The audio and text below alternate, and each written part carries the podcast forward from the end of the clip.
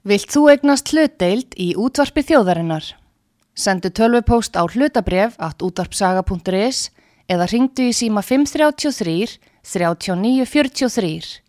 Útvarpsaga stendur vörð um tjáningafrelsið.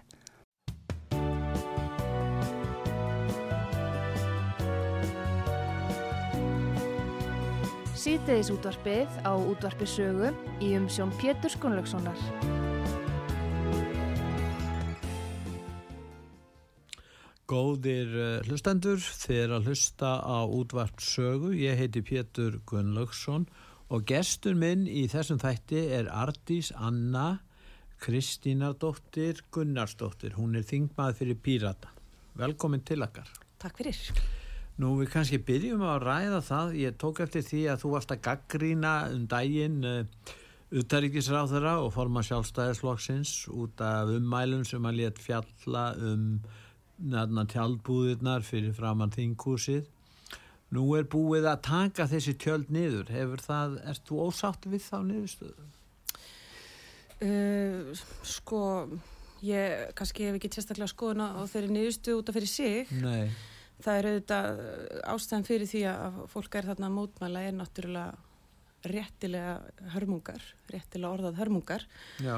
Uh, og þau eru svo sem ekki farin og eru að mótmæla og, og við erum að mótmæla. Fólk er að mótmæla, það er gríðarlega stór hópur fólks, það eru þúsundir manna sem að mæta sko einu svona tísari viku til þess að mótmæla aðgerðaleysi ríkistjórn en gaggrindin beindist að honum vegna þess að hann var ekkert að móti því að mér skulle sagðist ekkert að móti því að verið væri að mótmæla.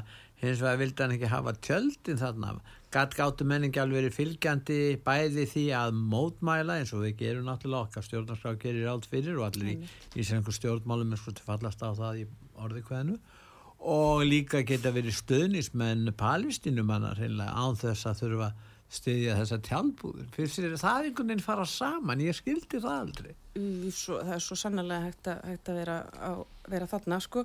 Eh, og það ég meina þessar, þess, það að þau hafi fengið heimil til þess að tjálta þarna hefur verið rætt með málöfnulegum hætti líka. Í, borgi, í borginni. Já. borgin hefur farið yfir það með málöfnulegum hætti og, og hérna komast að sinni niðurstu út frá því. Og það er bræðilegt og það er bara sjálfsagt það sem að ég held að hafi eða veit að kannski og var auðvitað að stuða því fyrst og fremst við þessu ummæli utaríkisráð þeirra var annars vegar að hann skildi kalla tjaldbúðunar hörmungar og það að þarna væri verið að flagga þjóðfána þjóðar sem að er verið að útrýma eða reyna Já. það Já. og síðan það sem ég held að hafa færið gríðilega fyrir brjóstu á mörgum og ég held að hann hafa alveg verið meðvitaður um að það myndi gerast þegar hann skrifar þessa fæslu var þegar hann spyrðir þessu málefni saman við uh, skipulaða glæbastar sem og það þurfa að epla lögregluna.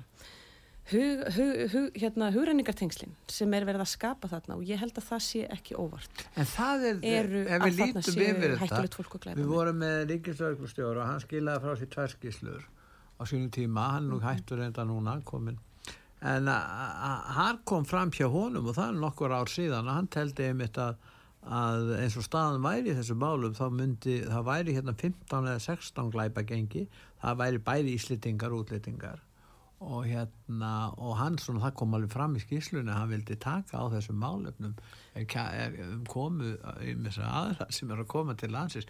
Þannig að þessi tengst við glæpatíðni það er ekkit endilega að, að tengjast ykkur um það sem þú myndir kalla kannski rasisma Sko það sem að gerir þetta svakalega bæði rángatengingu þarna hjá þetta ríkis ráð þeirra annars vegar og síðan skadalega ég fer aðeins betur út í það eftir mm. er að uh, sko glæpa gengi sem ríkislauglistjóri hefur, hefur haft áhugjur af það eru Evrópabúar það eru Evropabúar sem eru þar meðal annars og Íslendingar, mjög mikið Íslendingar.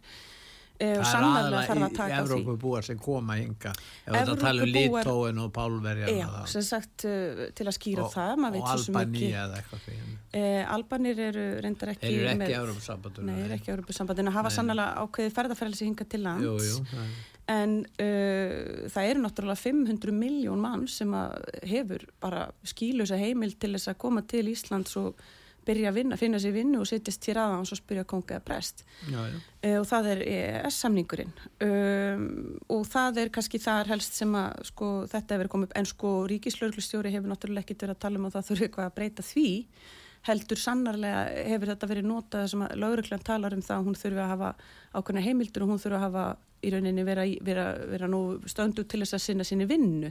Það Mm. snýst um það en ekki takmörkun á, á, á komu fólksingað. Eh, þarna er hins vegar hópur sem að hefur komið fram í skýslum ríkislauglustjóra, sérst, uh, þessir umsækjendur um alþjóðlega vend, hælisleitundur og flótta fólk. Það kemur fram í skýslum ríkislauglustjóra að það sé ekki, það í rauninni er ek ekkert sem að er- þau sjá ekki merki þess að með þessum hópi sé að koma hérna inn ykkur, ykkur, ykkur glæpir og glæpastar sem En er. er þetta þess, er, er þetta, nú, nú þekkja menn það bara af sinni reynslu að glæpum hefur fjölgað hér verulega. Það er ekkert víst að hægt sé að líta á það sem orsakasammingi á milli eh, aukins fjölda en þó útlendinga en þó er nú bent á það eins og komið fram að ég held að sé mjög hátt hlutfall þeirra sem eru hér í fangelsum og gæsluvarhaldi eru útlendingar og það eru tölur Já. sem hægt er að rekja. Já, en það er náttúrulega eins og hefur verið bent á meðal annars af halva afbrótafræðinga, það er ekki vegna þess að útlendinga bróta meir af sér, það er vegna þess að það eru bara miklu með ykkur ríka, ríkari heimildir til þess að fangilsa útlendinga heldur en annað fólk. Og hvað þá?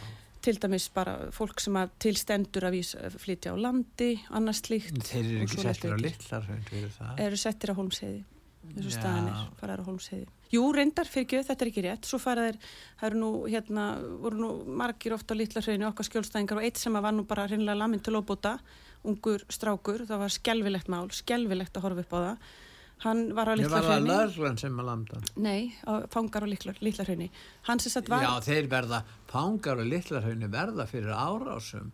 hann sem Þeir sagt, sem eru ba- það er ekki eitthvað sem að við eigum að líta á sem eðlilegt. ekki, en það er ekkert bundið útlendinga. En mig langar aðeins að Íslensku nefna- barnanýðingar eru landir í klessu út af, á, hérna, á, á þarna, á að hönni. Ég er ekki að bæla með þessu, þetta er nei. anstyggilegt. En það sem gerist þarna, tengist þessu sem þú ert að segja, vegna þess að hann, þetta var ungu strákur, Já, hann lendir í fangilsi vegna þess að hann er ítrekkað að reyna að komast úr landi. Mm. Hann sem sagt, þess, þeir gera það oft, sem sagt, það var ákveðin hópur ákveðin tímabili sem var alltaf að reyna að komast úr landi. já. Af því að þegar fólk fer inn í umsóknarferli þá eru þau tekin af því öll skilríki, það fær ekki að fara, það er ekki frjálst ferða sinna, það getur ekki farið ef það vil fara, nema bara þangað sem uh, útlendingastofnum vill að þau fari. Uh, ef fólk vil komast eitthvað annað, þá getur það það ekki og þessir einstaklingar eru að reyna það, eru að reyna að komast inn í skip sem er ólöglegt, sannarlega. já.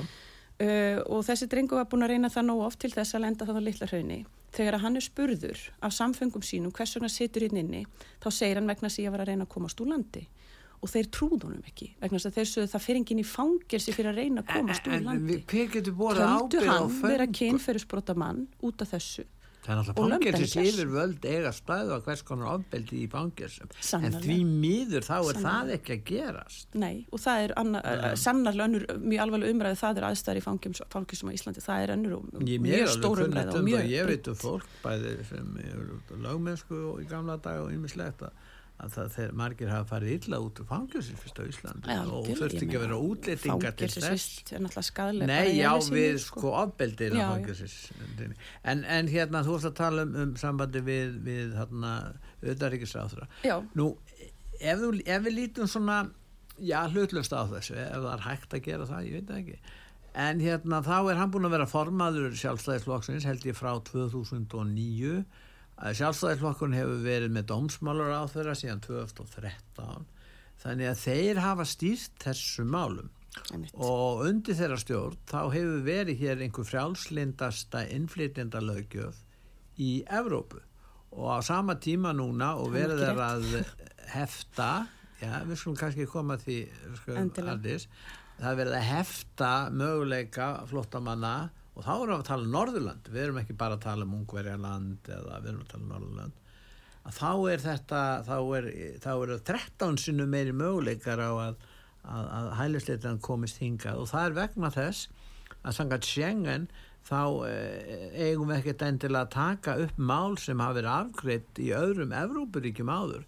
Það gera önnur Evrópuríki ekki en við gerum þetta. Það er að segja að menn fara til Noregs og ætla að fá þar eh, hérna, afgreiðslu, dvalaleifi eða, eða hælisvist og þá þá segja náttúrulega nei þú uppfyllir ekki skilir þá bara segja við förum þá til Íslands. Eða þá að þeir fá uh, réttindi uh, hælisvist eða alþjóðlega vend eins og það er kallað í dag. Þeir fá það en uh, það er borið upp það, þeir byrja frekka að koma til Íslands vegna þess að hér eru kjörin betri hvað segir, hvað segir um þetta? Er þetta ekki stefna sem við ættum að sko að endur skoða? Þetta er í fyrsta lagi bara alls ekki rétt Nú, hvað er, er ekki rétt? Það sem er ekki rétt í þessu er það að önnurland séu ekki að taka upp mál fólk sem hefur sóttum annar staðar eða fengi vend annar staðar. Það eru önnur ríki sem eru meira sér langt um dugleiri við það heldur en við. Hvað ríki eru það? Til dæmis þá á ákveðnu tímabili eh, reyndar sko, það er svolítið erfitt að bera þetta saman vegna þess að það er erfitt að fá tölur um mál sem eru tekinn til efnismeðferða ég þarf eh, að reyna að forðast að tala um teknilegt mál. Mm -hmm. að, eh, ef við tökum sem dæmi einstakling sem hefur fengið vernd í Greiklandi það er, það er hann hefur fengið alþjóðlega vernd hann kemur fyrst til Greiklands sannkvæmt Schengen þá afgriða málið á þeim stað þar sem að uh, viðkomandi flottamæður byrtist með talsverðir einföldun en já, við skulum já, já. bara hafa það þannig. Já, uh, og segjum það að fólk kemur að landi í Greiklandi og ástæðan fyrir því að það kemur að landi í Greiklandi er svo að það fyrir sjóleðina vegna þess að það eru engar löglegar leiðir fyrir fólk að koma til Evrópu og segja um hæli. Ekki nema bát til Ítalíu eða hvernig það? Það er ekki lögulega leið í rauninni. Við erum ekki með neina lögulega leiðir þannig að fólk þarf að setja lífsitt og limi í hættu og mm. alla aðleguna til þess að reyna fresta þess að komast í öryggi. Mm. Segjum að einstaklingurinn fái vernd á Greiklandi uh, á, og, sagt, og, og hann kemur, segjum að fara til Þýskalands. Það var talsveit mikið að sírlendingu sem fóru til Þýskalands vegna þess að í kringum svona hvað ég var að segja hábúntun í Sýrlandsstriðinu Var það 2015 eftir það? Þetta er um það? byrjum 2015 Já, 2016 Þegar að, að Angela Merkel tók þessa ákverðum Þegar hún segir uh, flóta fólk er, er velkomi hér Já. þá uh, fer fólk því það upplýð, það fer þánga sem það upplýðir sér velkomi sannarlega. Uh, og, þá, uh, sest, og það er kannski fyrst og fyrir sírlendingar það sem er áhugavert er að sko uh, annars vegar, þess að það var þetta tölfræðina, við bara byrja á því Já. að það sem að skekkir tölfræðina svakalega mikið er að uh, ríki, Európuríki nota ólík orð yfir hlutina, ólík hugtök, hlutin eru flokkaðir ólíkt uh, og þegar einstaklingur kemur og hann hefur fengið vendi öðru ríki þá geta ríki ekki á grundulli sjengen en eins annars heldur í rauninni bara grundulli þjórættarregluna vísa, vísa málunu frá þau rauninni taka umsóknina ekki til meðferðar. En það er alveg löglegt? Já, þetta er löglegt mm. uh, og þá er, er hægt að, að flytja ríki, stjórnvöld geta flutt einstaklinga með, með þeirra viljað án, þanga sem þau eru með heimil til kom og dvalar og þannig er náttúrulega fólk með heimil til kom og dvalar. Þetta og það verður fullkonlega löglegt. Við gerum þetta. Já, það er fullkonlega löglegt að já, gera þetta en þó að einhver, einhver ég meina við erum ekkert skuldbundir ekki öllum til já ég meina þú veist að tala um að vera löglegt annar staðar já, Nei, að það sem er heimilt samkvæmt þjóðarétti já, er að flytja fólk þanga sem það hefur heimilt til komundvalar þessu stjórnvöld geta gert. Þú getur ekki flutt fólk þanga sem það hefur ekki heimilt til komundvalar við getum ekki bara sendt fólk eitthvað sem okkur dættur í hug. Það, það ríki þar annarkort að samþykja viðtöku eða við komandi einstaklingur þarf að hafa viðkjönda alveg Nei, og það er alveg til dæmið það líka. Já. við getum farið ansi, ansi djúft á marga hluti hérna. Já, já. ég ætla að reyna að klára þetta varðandi hérna Uh, önnur í Evrópuríki, hvernig þau er að taka á því þegar einstaklingar eru með vend ég ætla að fá að klára Þískaland Já. það sem að Þískaland gerir uh, og e, e einhvers að Þískaland náttúrulega er hérna svona sambandsríki mm. einhver, einhver fylgi þar eru uh, tóku bara hreinlega ákvörðun um það að senda ekki tilbaka til dæmis til Gríklands vil það nú alveg verið til Gríklands það er alveg frá Gríklandi sem fólk er að flýja þó þessu komi vend annað hér er til undatekninga Ungurland og Ítalja líka hendar sírlendinga þau bara segja ok, það kemur sírlendingur hérna hann er með vend í Gríklandi en hann er frá Sýrlandi. Við vitum að hann er flótamæður, það er ekkit umdelt hann getur ekki farið til Sýrlands. Þá takaðu þá umsókn eins og kalla er til efnismefferðar veita við komandi vend í Þísklandi Þískland hefur verið sko einna duglegast í þetta, önnuríki hafa líka verið mjög dugleg við þetta það er pínu erfitt að finna tölur um þetta vegna þess að þegar umsóknir tekinn til efnismæðferðar þá er engin ákvörun tekinn. En skiptir þetta máli fyrir okkur? Mjög miklu, þetta er náttúrulega bara, já, ég er að mótmæla því sem þú vorust að segja að, að við séum eina ríkið í Evrópu sem er að taka upp mál Svo, sem að hafa eiga, það sem er að gerast það er ekki rétt. All, alls, það sem er að gerast í Evrópu og í bandaríkjónum. Mm -hmm. Sko við búum við, já, líðræði, fulltrúa líðræði og það er meir og meiri anstaða við stefnuna í málöfnum útlýninga og við skulum taka kannski, já ég var að taka grófasta dæmið á Vesturlandum það er 2015 þegar að ákveðin einstaklingur býðir sér fram til fórseta embættis í bandaríkjunum Donald Trump og ræðan sem hann flytur þarna þegar hann fyrir niður rúlustega með konu sinni, hann flytur það ræð og eftir og hún fjalla nánast engöngu um innflytjandamál að þeir séu að flytja inn eitulif að þarna er mannsal þetta sé glæpalýður að koma inn. Ég manna hann orðaði þannig að þetta væri nú ekki besta fólki sem væri að senda til okkar eitthvað svo leiðis þetta vakti náttúrulega hörð viðbröð og hafa baki síðan síðan í að hann gesa helt þessa ræðu þá hefur hann vægasagt verið umdeldur en það kom í ljós og er að koma alltaf betur og betur í ljós að í þessum líðræðsamfélagum og við, við erum vantarlega að kalla bandaríkin það líka og hér á Vesturlöndum og Brexit var hluta af þessu og við sjáum á Ítalíu, Ungverjalandi, Pólandi, Danmörku, nýleg lög í Fraklandi, lengi haldi svona áfram. Að það er allstar verið að herða þetta af því að fólkið er að gera kröfum þetta á, hérna, Artís, á ekki að hlusta fólkið. Já, við getum fyrir að spyrja okkur af hverju gerir fólki kröfum þetta? Hvar, Nei, ég er að spyrja að fólkið hefur þessa afstöð. Ma, það hefur þessu afstöðu vegna þess að það er búið að telja þið trúum það. Það Já, er búið að þannig þarna hlýðræði, hóp. þannig er að hlýðræði. Þú getur haft áhrif á fólk með skoðinni sem hugsalega væri rangar, þú hefur rétt á því í hlýðræði samfélagi. Það er enginn sem getur pintið til að hafa aðra skoðin. Nei, sem betur fyrir ekki. Sem betur fyrir ekki og Nei. skoðanafrelsi er náttúrulega eitthvað sem við, hérna, við, við, við, erum sammálum það. Arndís. styrkum höndum. Það er um hérna, það sem að hins vegar sko, ég veit ekki, sko það sem að til dæmis mannréttindi ganga út á, grundvallaréttindi sem að Mm. hafa verið samþygt núna í, bara á, á, á heimsvísu og, og sérstaklega er við með stert kerfi í Evrópu en það er samt byggt á alþjóða lögum með mannréttindi í rauninni hveða á um það sko að nei, það séu ákveðin grundvallaréttindi sem að allar fættar manneskjur á jörðinni hafa Að fyrir ekki að svo í tröfliði. Maður sem er fættur í Senegal eða eða- Sómalíu hefur hann þau mannréttindi að fá að koma til Íslands vegna þess að efnahægurinn í, Sema, í Senegal og Sómalíu er ömulegur. Uh, nei, þetta er ekki skráð grundvallar mannréttindi, nei. Nei, þannig að við erum að taka á móti efnahagsflóttamönnum þó að það flokkist ekki undir mannréttindi heldur er það miða við þá skilgreiningu saminu þjóðuna á flóttamanni sem er þessi Alls ekki, þetta er alveg kolránt. Nú, er alveg segir það, hvað er nátt við þetta? Uh, skilgreiningin á flótamanni, já, flótamannstofnum saminuð þjóna er mjög þröng. Það er Já, bara fólk sem veit, er já. offsótt og er ekki, ekki við það. Þú sagðir efnahagsvið flótamenn, sagður? Nei, ég er að tala um að efnahagsflóttamenn Já.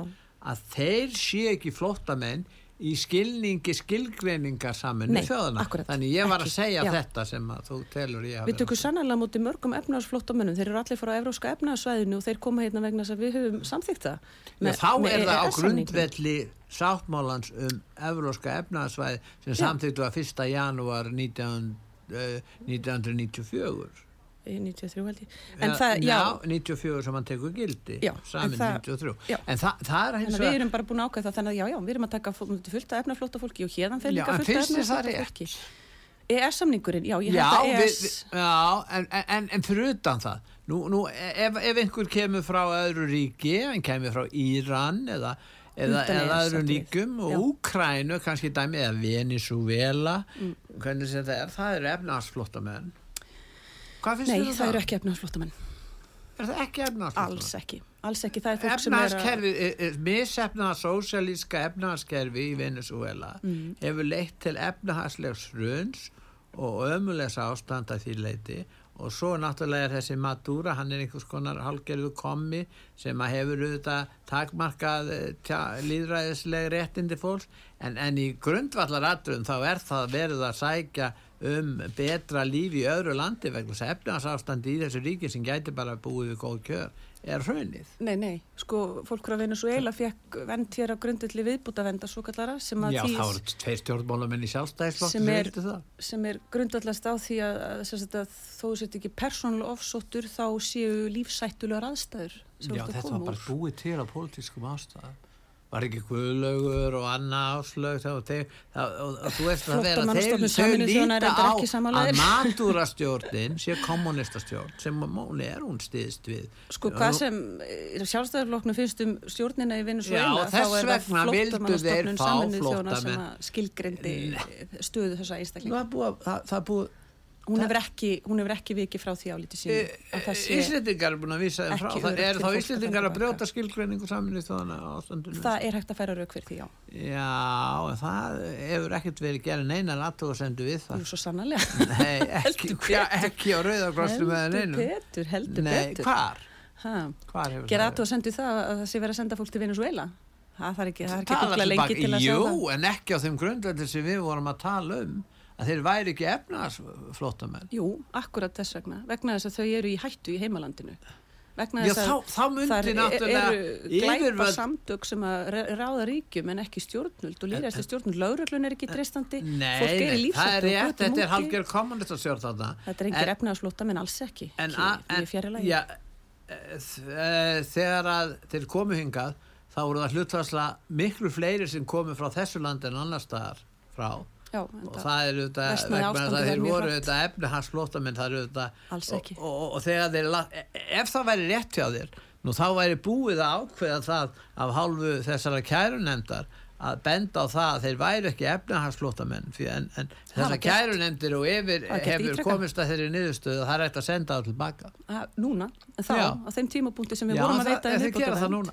já, en á þeim tímapunkti sem það þá var, var verið að það veita bara pólitísk ákverði sem hafði áhrif á nefndina. Alls ekki, það var flóttamannastofnum Æ, saminuð þjóna sem gáði yfirlýsingum að það ætti ekki að senda fólk til Venezuela Já, það, það, Það það var að gert líka, það voru bandaríkjamenn sem tók upp þessa stefnu vegna að þeir eru með viðskiptabann á Venezuela og líta á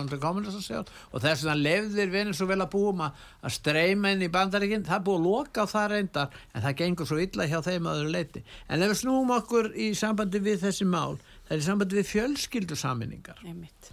og hérna það er stórmál í þessum samhengi hvað finnst þér um það? Nú er það þannig, hvað finnst þér eigi að vera rúmt? Nú erum við til dæmis með þessar stóru stórfjölskyldur í múslimaríkjum og nú er hérna ymsir komnir frá, frá Ísrael og ég skil það mjög vel þar erum að ræða fólk sem er ekki að yfirgefa að landi af efnarsástæðum heldur það er ofsótt og það er verið að drepa það í stórun stíl. Sannarlega. og hérna svo ég hérna segi það alveg skýrt að ég hef uh, haft mjög harða afstöðu gagvart hvernig komið fram við palestínsku þjóðina sérstaklega varðandi það að senda ekki mannúðarast og mat og annað. Og mér finnst allir íslendingar eða geta saminast um það það. og þeir eru í raun og veru flótamenn en hvað finnst þér um fjölskyldusaminningar á grundvelli þessa hva, hversu rúmt myndir þú skilja það til dæmis ef, ef, ef einn maður myndi segja að hann væri með hundra manna fjölskyldu Mm Sko, fjölskyldan er mjög skýrt skilgrend í lögum, alveg gríðarlega skýrt. Og það Já, er í þú ert að tala um lögum um málefni útlýtinga Ég bara, já, lögum líka á Íslandi og líka bara Evrópu löggjöf og annað. Það? Þetta, já, það er mjög skýrt skilgrend og það er mjög þröngt. Nei, ég held reyndar að sé ekki, ekki mjög Nei. sko. Það er svo sagt eh, í rauninni bara makiðinn, er fjölskyldaðinn, börnin þín undir 18 ára og fóreldrar yfir 67. en nú hafa fólk verið að koma uh, hingað uh, á grundvelli fjölskyldusaminninga út fyrir þessar reglur sem þú jú, Nei, nei, það er ekki, ekki heimilt í lögunum. Nei, er- það að er rétt, börnin- en það hefur samt verið framkvæm. Nei, nei, Jú. alls ekki. Þetta er bara einhver kæft að segja. En sko, Nei, er hugsaðu samt um þetta, ef við hugsaum um þetta, ef við hugsaum um hvað, hvað við lítum á þessu fjölskyldu, jafnvel bara nær fjölskyldun okkar, mm. sískinni til dæmis er ekki fjölskyldaðinn, fóruldrar þínir, ef þau eru ekki orðin öldruð, þá eru þau ekki fjölskyldaðinn. Börnin þín, þegar þau eru orðin 18 ára, þá eru þau ekki fjölskyldaðinn. Ef þú átt barn sem er 18 ára gamalt, til dæmis segjum að palestinum að eitt barn að hans væri orðið 18 ára og væri á gasa núna, þetta er ekki fjölskyldan hans og fær ekki dvalarlefa grundöldi. En, en vegna er Skilgreiningin er það, gríðarlega þröng. hvers vegna koma miklu fleiri umsóknir um, hælisvist hér til Íslendinga eldur en til Norðurlanda? Uh, það myndist á þau þetta að það væri 13 sinnum fleiri Já, en sagt hann- um það heldur enn í Danmörku til dæmis. Sko það sem að náttúrulega skekkir þetta allt saman er það eins og ég var að nefna að það er ólíkt talið á milli ríkja og það er tvennt þú, þú ert svolítið inn á því að- að viðurkenna ekki þegar að fólk er að benda á tölulega hluti eins og Já, þetta þá ferð þú svona áreiðanlegar. út í mjög langsóttur og flóknar reglur til að tala um að menn ræð og skilgreini málin með misjöfnum hætti flóttamaður er skilgreindur öðru vísa og svo framveg sko. Þannig að, að, að en, en hvers vegna er þetta, þetta, við höldum okkur við þetta sem að ráðurinn sagði, af hverju, ert að segja að það sé ekkert fleiri hlutvarslega flottamenn sem komin til Íslands heldur til Danmörk? Það sem ég er að segja er það að þessar tölur þær eru ekki, ekki sérstaklega skýrar. Nei, en, en, hva, en hva, koma Og fleiri til. Íslands heldur en til þessa landa, veistu um það? Nú Ertu- bara hef ég ekki áriðanleiri tölur heldur Þannig að þú ber, utanríkisráðherra. í, Af því já, það er þannig að það sem þú ert að segja, Já, Í raun og veru, þú ætlar ekki að viðkjöna það að það komi fleiri hingað vegna þessi fyrsta lagi að ellanda þjóður er að skilgreina hugtök með margvíslegum hætti og þú hafir ekki vita til þess að, að hafir engar upplýsingar um að, að, að þetta sé svona með þessum hætti. Akkurat. Er ekki hægt að afla og að fá aðganga áræðilegum upplýsingum um þetta? Sko, þetta snýstu það, ef ég fæ að klára það eins, annars vegar, þá uh, eru ekki öll Evropuríki búin að viðkjöna Palestínu sem sjálfstætt ríki. Nei, Það við erum þýðir búin það að að því. palestínumenn eru ekki skráðu sem palestínumenn heldur sem ríkisfangslausir og það er fullt af fólki frá alls konar löndu sem er skráð ríkisfangslaust. Já. Í ofanálag þá eru ólíkar tegundir dvalarleifa í þessum ríkjum til dæmis, og, og þau eru að skilgrina hlutin ólíkan hátt. Það það er mjög oft, Þess vegna eru færri hælisleitendur í þessum ríkjum sem er að skilgreina þetta á öðruvísa hátt heldur til dæmis við. því er mjög oft haldið fram að uh, við séum einhvern veginn með ólíka reglur frá restin af Evrópu. Þetta er kolránt og jafnvel bara ef við tökum Norðurlöndin þá eru reglurnar á milli Norðurlandana ó, ólíkar. Akkur koma með hlutvarslega miklu fleiri hinga. Ég bara er ekki til í að samþykja þessar fórsendur þínar. Að það komi, það koma kannski miklu færri held- heldur en annars að alltaf segja það. Uh, það sem að annað Þá er að- ekki að marka umræðuna vegna þess að það er alltaf hægt að segja. nei, ég samála því. Ég samála því. þá, þá, þá gefur ekki takt að fjallum þessi mál. Jú, sannarlega, Nei, sannarlega. Ég Já, því að þeir að sem að vilja fá fleira fólk þeir segja að sé ekkert að marka tölur í þessu dæmi og síðan segja hinnir að tölurnar, þá getur menn sagt já það er að koma 50-60 manns til Íslands á hverju ári og þá getur við bara haldið þessu fram og sagt já þegar ég lappa niður laugavegin þá sé ég bara tóma útlýting þetta er náttúrulega, við erum, getum ekki farið á þetta plan. Sko, ég- það sem að ég held að við ættum að vera að einbytta okkur að þegar við erum í þessu umræðu það er að skoða stöðuna á Íslandi. Skoða kerfin okkar á Íslandi hvar það er sem við þurfum að bæta í hvað það er sem við þurfum að gera til þess að uh, gera samfélagið okkar eins og við viljum hafa það uh, ég held, ég er bara ég ætla, bara hérna, að segja já, ég sammálaðir að út af þessu meðal annars og af mörgum örum ástæðum er þessi umræða um þess að tölur á milli landa, hún er algjörlega tala um og hún er ekki gaglega á neittnátt Þú ert þingmaður og þingið fer með fjárlagavaldið á Íslandi, Fjárval, fjárveitingavaldið er í höndum þingsins og þú ert þingmaður. Og þinn flokkur er með um, marga þingmenn, ég held þessu sex eða sjö, ég maður ekki, ég held þessu sex eða ekki. sex.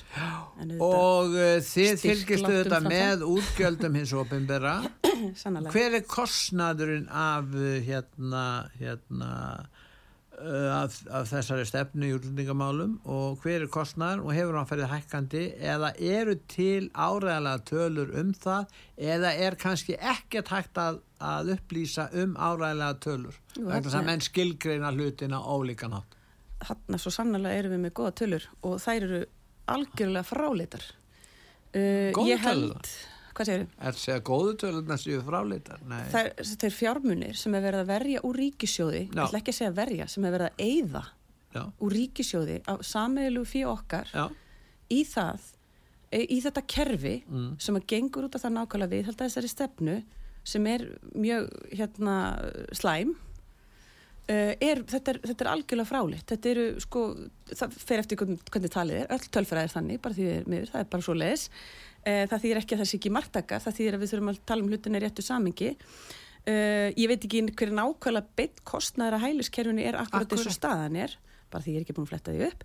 Uh, en ég er alveg til í að samþykja það Þa, það er tölur sem verið, hefur verið fleikt hérna, ég veit þetta hleypur á miljörðum og er komið örgla yfir 10 miljardar sá kostnaður sem við getum snar mingað með því að skiptum rás. Vandin er sá, þessir peningar eru ekki að fara í það að hjálpa fólki. Þeir eru ekki að fara í það.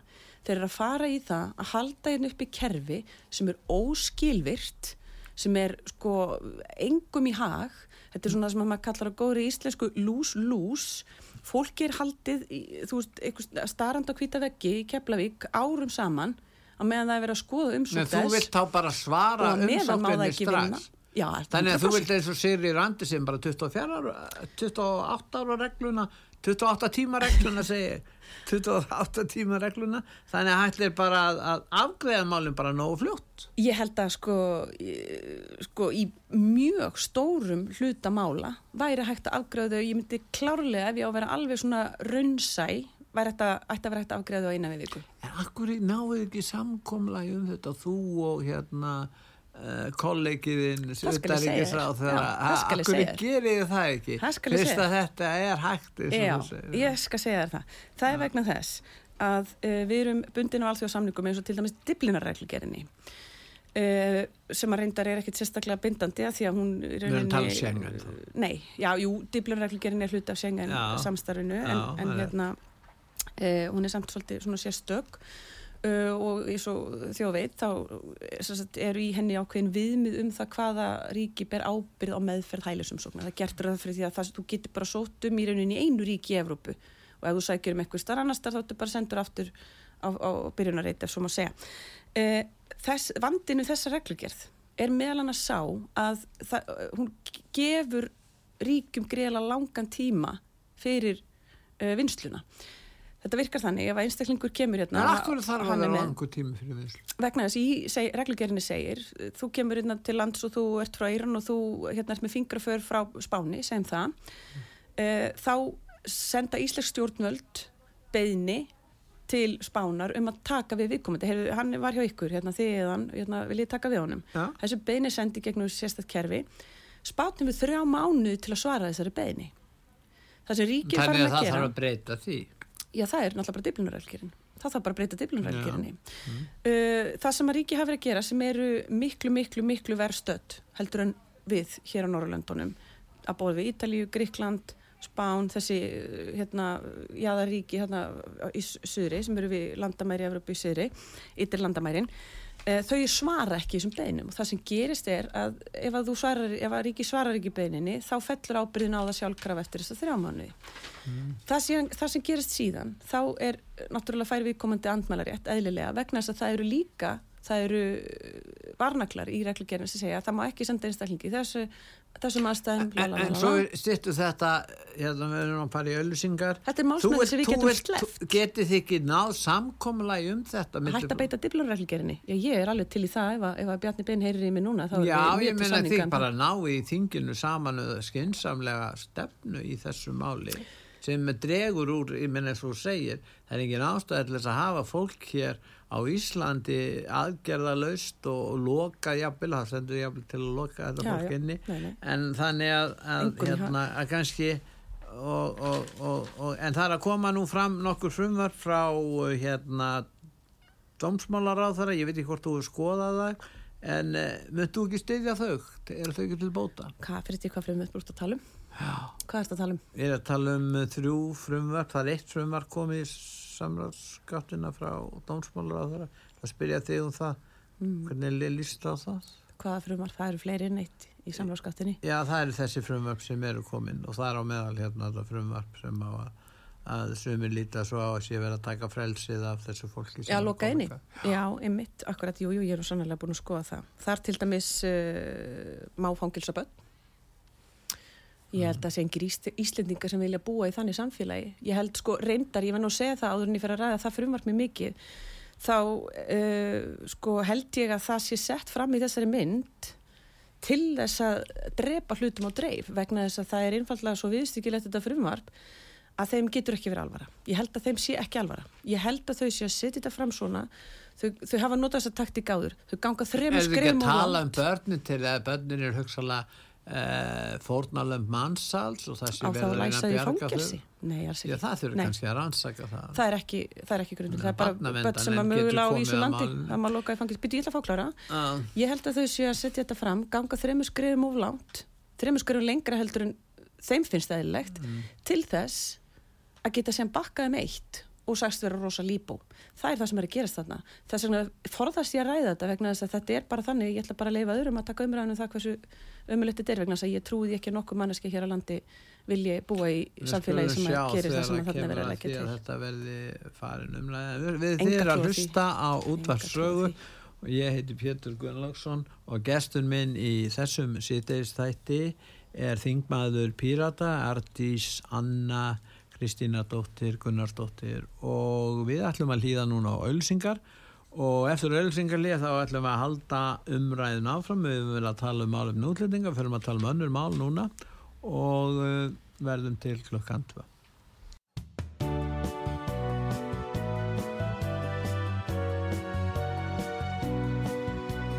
Síðdeis útvarpið á útvarpisögu í umsjón Pétur Skunlökssonar. Góðir uh, hlustendur, þér að hlusta á útvarpsögu, síðdeis þáttinn.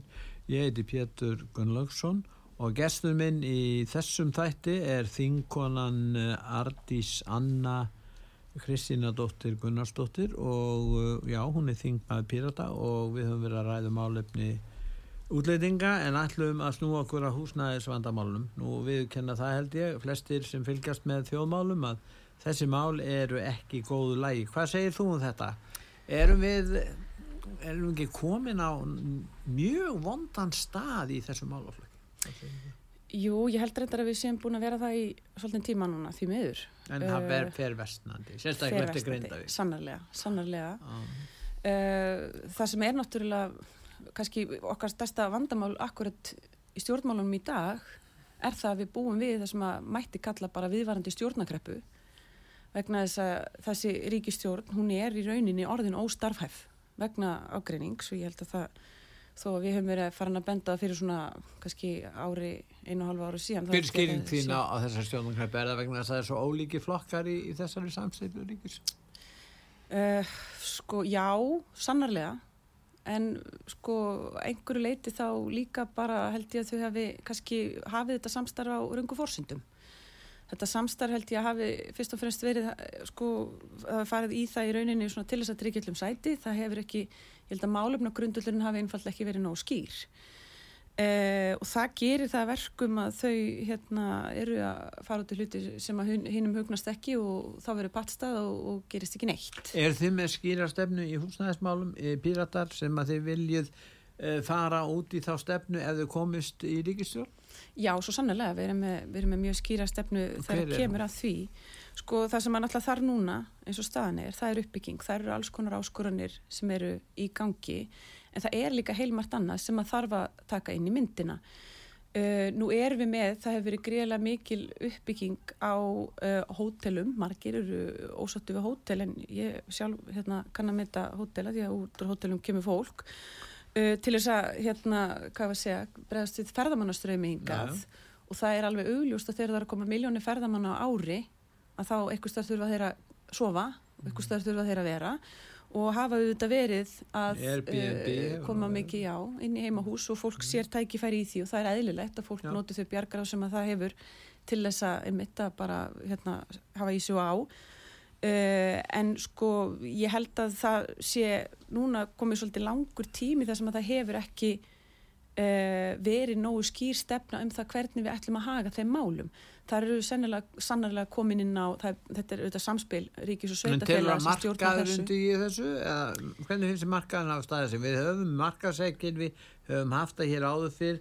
Lóðir voru ódýrar, menn voru að byggja sjálfur hér í gamla daga og lán voru svona menn uh, bygg oft í húsum sem voru ekki uh, búið að ljúka við og og þetta var allt öðruvísi núni í dag fara menn í fullbúin hús lóðirna miklu dýrari miklu strángari kröfur reglugerðir og annað eh, vil ég breyta þessu?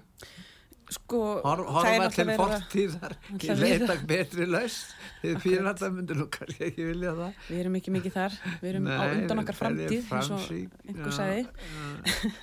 en hérna sko það er náttúrulega verið að gera breytingar núna sagt, eða, ég vona að ná samstæðum. Það eru einhvers konar breytingar til þess að reyna að milda þar. En sko það er svo áhverst að tala um markaðin og ég mitt sérstaklega þegar Uh, sitjandi stjórnaflokkar tala um markaðinu og það þurfi nú bara að lefa honum að sjá um hlutina.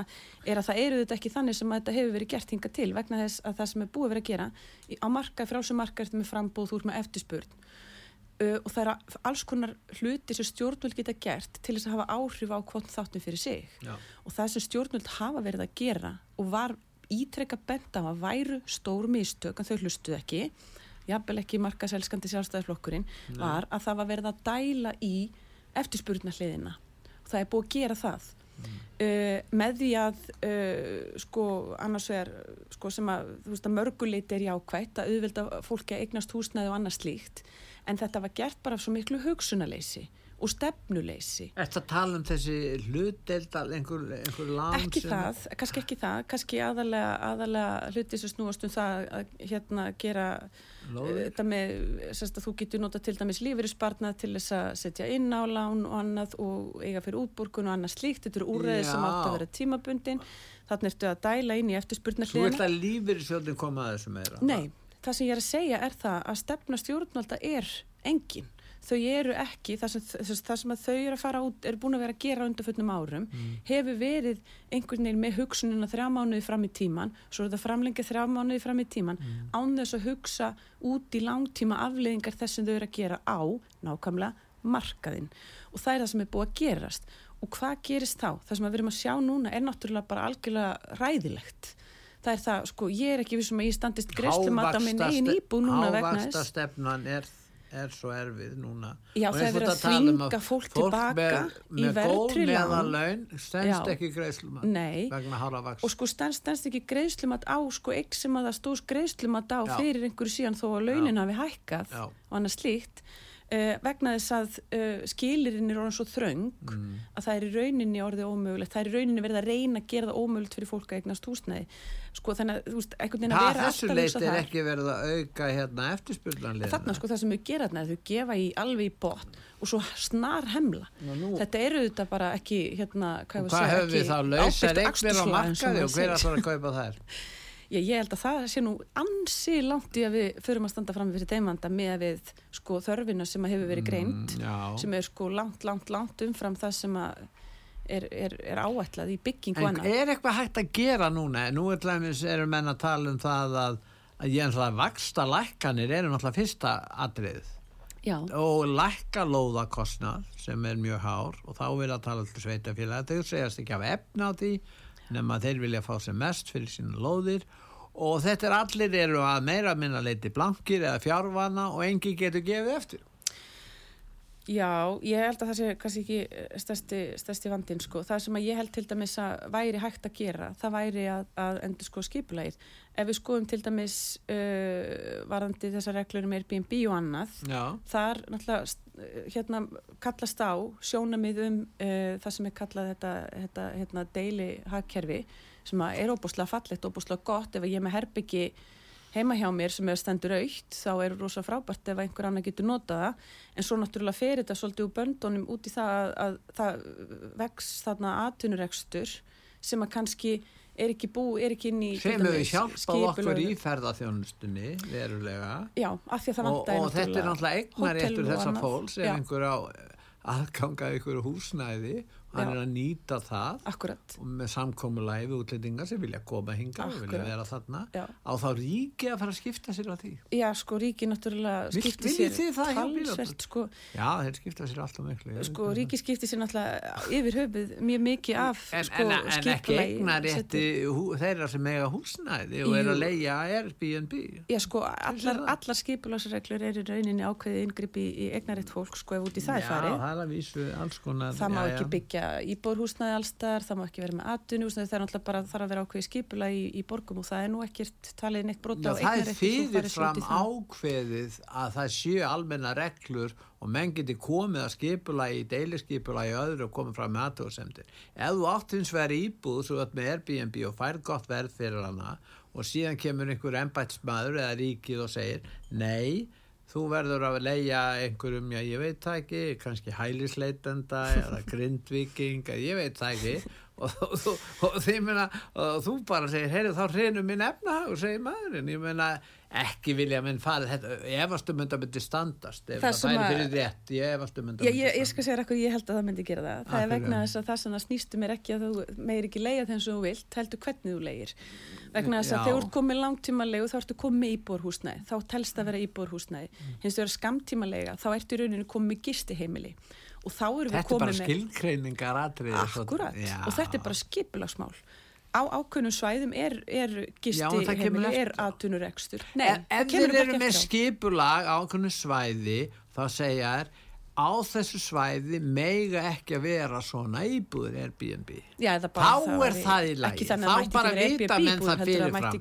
Já, en já, eða, þá mættu menn vita það fyrirfram en að fara að, að þrengja að eignar eftir mannaðislega en ég bara varpa þessu framkort Já, þetta eru akkurat sjónamiðin sem stangast á Akkurat, já, sko. ég meina þetta þið er eitt af því þetta, sem að þið þetta er eitt- þetta. Ég er ekki að segja það, þetta er eitt af Er því þið sem að orðin þarf að svona skoða sósialist? Er það svolítið matúra líkt af ykkur? Orðin Er það flý- Ef að þið myndu Þetta stjórna, myndu menn, flý, myndu menn flýja ykkur þá ef að, ef að, ef að þið kemst Ef, til ef, valda? að, það- hérna, ef að það Ef segir ta- ef að væri svona takmarka eignaréttinu svo að það það gerir. segir kannski eitthvað um okkur hérna, að, ég held að sósialistum myndi kalla okkur frálsökjumenn og frálsökjumenn myndi kalla okkur Þið sósialista Þið voru miklu meiri frjálsíkjumenn hér áður. Er það? Hvað Er það? breyttist hjá? Hvað hefur breyst þar?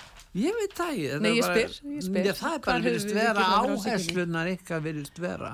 Ég held að Ég- það sé bara því að þau, þau uh, hérna, umræði efni eru meira, miklu meira upp á borðum sko, en það sem að náttúrulega hérna, píratarhefingin hefur alltaf staðið fyrir, það eru grundallar réttindi og það bara er miklu, hvað ég var að segja, er miklu meira aðkallandi atrið sem lúta grundallar réttindi fólks og svona borgaralegu frelsi og lýræði og öðru sem að, sem að lítur af svona grunnþörfum einstaklinga. Tjáningafrelsinu. Já, við erum alltaf þar. Stiði Julian Assange. Já, já, við erum, við erum alveg þar sko. Þið gerir þar? Já. Já, já.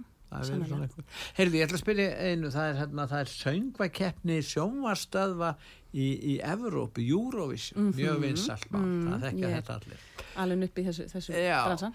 Nú, nú er það þannig að það var kom fram krafum það að, að annarkort að banna Ísrael að taka þátt í þessu eða þá að við hættum þáttöku í þessu ef Ísrael fengi að vera með. Mhm. Nú er komin einhver Salomonsdómur, þannig var alltaf hægt að kalla það Salomonsdóm, að það sem að sá sem sigrar í keppninni, hann er að ráða því hvort það farið ekki, þannig að hann fær vald til þess að ákveða hvort að Ísland verði í þessari söngukeppni sem að ég gerir að fyrir að 2000 íslendinga hafa ánægja og vilja gera. Hvað finnst þér um þessa ákverðun útvarsverðin? Finnst þér hún svolítið sérkjöfuleg?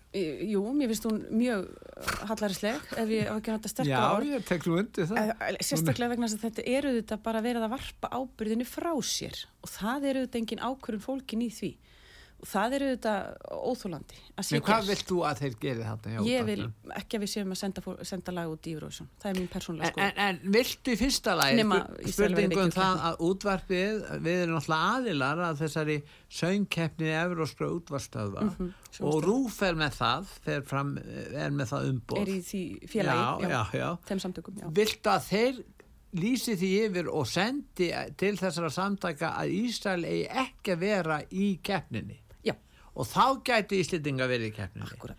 Ef að það verður ekki gert, sem er ólíklegt að verður gert, mér Akkurat. skilst að þeir að fá að vera með, Já, þeir hafa mjög mikil áhrif í Vestur-Európu, Ísraelsbenn já, sannlega. og hérna, og að þá eigum við ekki að vera. Menur. Er það þínu skoðun? Það er mín persónlega skoðun, já. Alveg. Er það skoðun eindregið. pírata það bara... Og, Það er bara mín persónlega skoðun. Þínu Píratar persónulega ekki hérna setta blaðin en, en, en nú er það þannig að menn segja gætnan hérna menn segja gætnan að íþróttir og svona keppni að þetta er að standa utan við við svona ágreining um, um utaríkis eða innarlands pólitík Mitt, það sem er kallað pólitík. Já. Það er nefnilega það sem er, er svo áhugavert sko. Það er þegar að allt í einu sko öll uh, alþjóðlega og allar uh, alþjóða skuldbindingar sem við höfum gengist undir og öllu grunn, segja, grunn gildi sem við þykist viðkenna þegar það er farið að kalla þau pólitík. Já. Ég er bara ósamála því að þetta sé pólitík.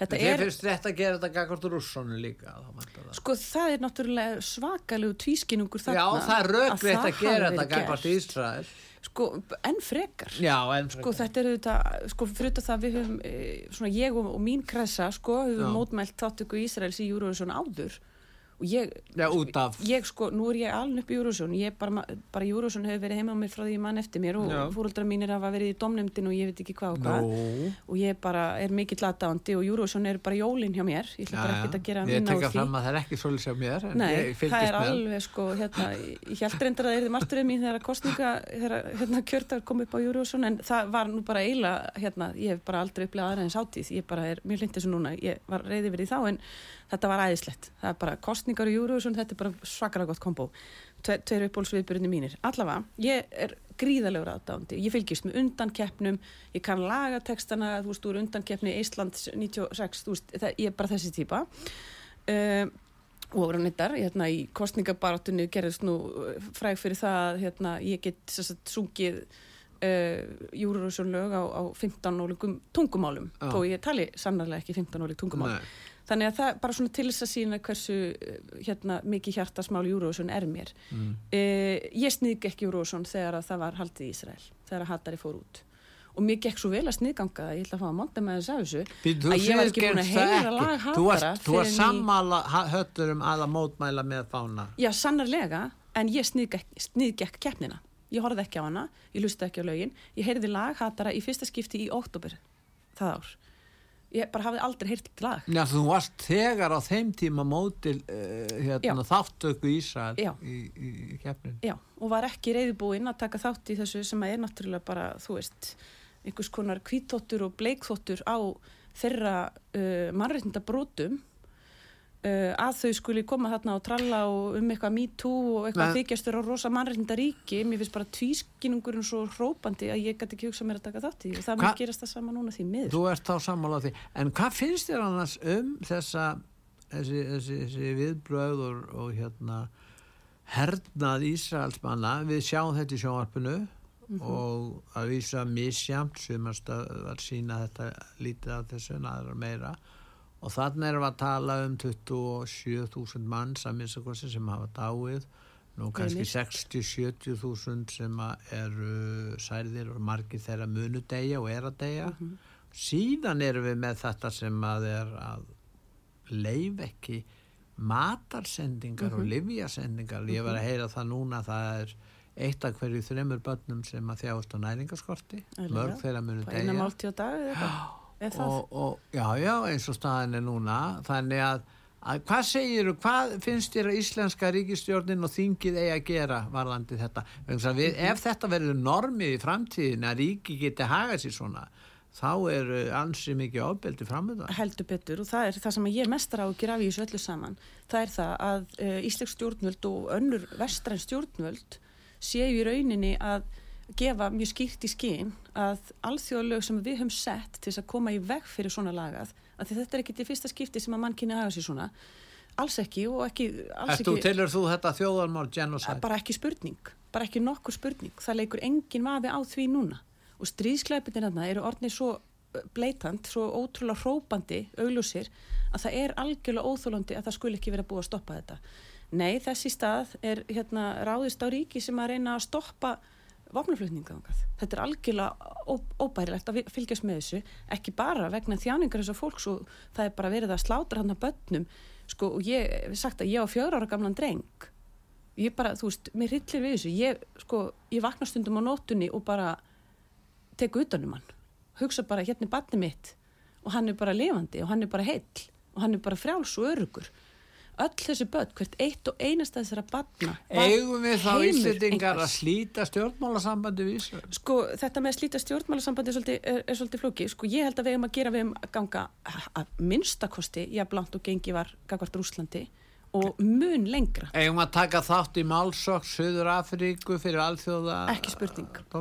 Ekki spurning uh, í, sko núna á þessum tímapunkti þá myndi það náttúrulega bara fyrst og fremst vera stuðningur við hana vegna þess að málið er bara komið í gang og annað slíkt, bara ekki spurning ég hefði viljað sjá bara alla þjóðir heimstanda e, En það er eins að eitthvað búin að stiðja þetta Tyrkirnir hafa gert það. En sko, en, en, En hvernig, hvernig er ástandi í þinginu Íslenska þinginu, hvernig skinjar þú stöðuna það? ég held að fólk sé Nú vitum við það, bugað, nú sko, vitum við þannig að það, játa maður veit að það, Íslendingar hafa verið miklu stuðnismenn Ísraels frá upphafi, frá því að landið er stopnað 48 Já, já. og síðan, en núna hefur þetta breyst og við viðinkendum Palestínu á sínum tíma er ekki 2011 held ég, jú, tímann á þeim 2011 og, Og- við og- styðjum tvekja ekki að laust Já, sem er í raun og veru Samræmi sem við að nú, nú Ísraelsmenn lofuð að styðja en þeir hafa hafnað núna í dag þannig að það er engin lausni í, í sjónmáli. Nei, og þeir hafa nú svo sem ekki hérna, alltaf stuttana að hinga til. Sko alls ekki og þvert á móti. En sko allt þetta sem er að gerast þarna og þetta akkurat það sé líka verið að koma í veg fyrir það að þau sem að er ekki búið að ná að sprengja í dætlur að þau séu svelt. Það sýnir bara svart á hvítu að tilgangurum með þessu er að útrýma palestínumönnum og það sjáum við líka vegna þess að uh, sko, Ísraels stjórn talar þannig hún lítur á alla palestínumenn sem Hamas. Það búið að ná að búa til eitthvað ljótakall hana við erum að tala um að helmingurinn þessu fólki eru börn. Þetta eru börn, hvernig getur þú sagt eitthvað að bad sér hriðverkamæður annað sem er svo hættulugt við þetta. Nú er hérna mynd sem gengur á netuna af melónu að því að viða má ekki byrta palestíska fánan, Mel, melónan er með litina. Og uh, slagurðið er uh, ef þú sprengir melónu þá dreifur fræjón og þetta á við bæði, þetta er bæði valdeflandi fyrir palestínum en að hugsa við erum ennþá til. Við erum út um allt. Þeir eru ekki búin er búin að útrým okkur. En þetta á líka við til þess að lýsa hættunni vegna þess að enginn er eiland hvert einasta bat sem er myrt er það, það er einhver sem er særður út af því. Og ég hugsaði með mér um daginn, hvað myndi ég gera ef ég væri að lappa eitthvað staðar og einhver myndi skjóta batni mitt í fangin á mér? Hvað myndi ég gera? Hvernig myndi mér líða? myndi ég bara segja, æ, oh, leðilegt það er ok. En hefur þá ekki áhyggjur af me meiri glæpatíðin á Íslandi? Gríðarlega, ekki á Íslandi, og, nei, ekki á Íslandi. Akkur ekki ennþá, uh, sko, en hefur, hefur ekki áhyggjur af því að, að, að þetta kemur með útlendingum líka? Ég hef, sko, jú, ég ætla að taka tilbaka, ég hef áhyggjur á ábylda Íslandi. Ég hef áhyggjur aukna ábylda Íslandi Já. vegna umæla utaríkisræðara. Jæ, það. Hvernig er ábeldi það? Er þetta meira einhverju rasist er fara að ráðast á fólk eitthvað því? Ég, ég ætla ekki að fara í einhverjar slíkar eh, merkjasetningar en við bara sáum það. Um leið og það, hann er búin að skrifa hennan pistil þá fara einstaklingarnir á austuvelli að fá hótanir bara strax, Já, það bara gerist samdags Það er ekki, ég er að tala um ábeldi fólk gengur um, um, um götur kvöldi, ég er búin að ég er nú það gaman í gamla daga þá var engin hrettur þó að gengum götur. Eh, skýtblankur að fara heimtið sín eftir nei, ball ég, og svo framvegis. það var ekki þannig, í dag eru menn með nýfa alls konar og þetta er allt annar heimur í miðbæri sko. ég, ég veit allt um það. þekki það, heyrðu. það, nei ég, ég ætla bara að svara spurningunni. Nei Já. ég hef ekki ágjörð því eins og staðan er. Ég hef ágjörð auknu ofbildi ég hef ágjörð auknu ofbildi í garð minni hlutahópa ég hef ágjörð því já. Minni hlutahópa, en ekki meira þetta hópa Því hvort það hugdags er til. Með minu dópa með náttúrulega átti þá sem eigundur högg að sækja. Já, en er þetta ekki já, já. Það er að við erum búið með tíma þetta verða síðast orðin. Ég, Þetta var svo stutt, Pítur Já, ég er Ég verða að fá að koma aftur. Já, já, en Artís, ég, Anna, ég þakka þið fyrir að koma til okkar Takk sem ég leiðis, takk fyrir að bjóða mér. Og ég þakka hlustendu út var sögu fyrir að hlusta. Verðið sæl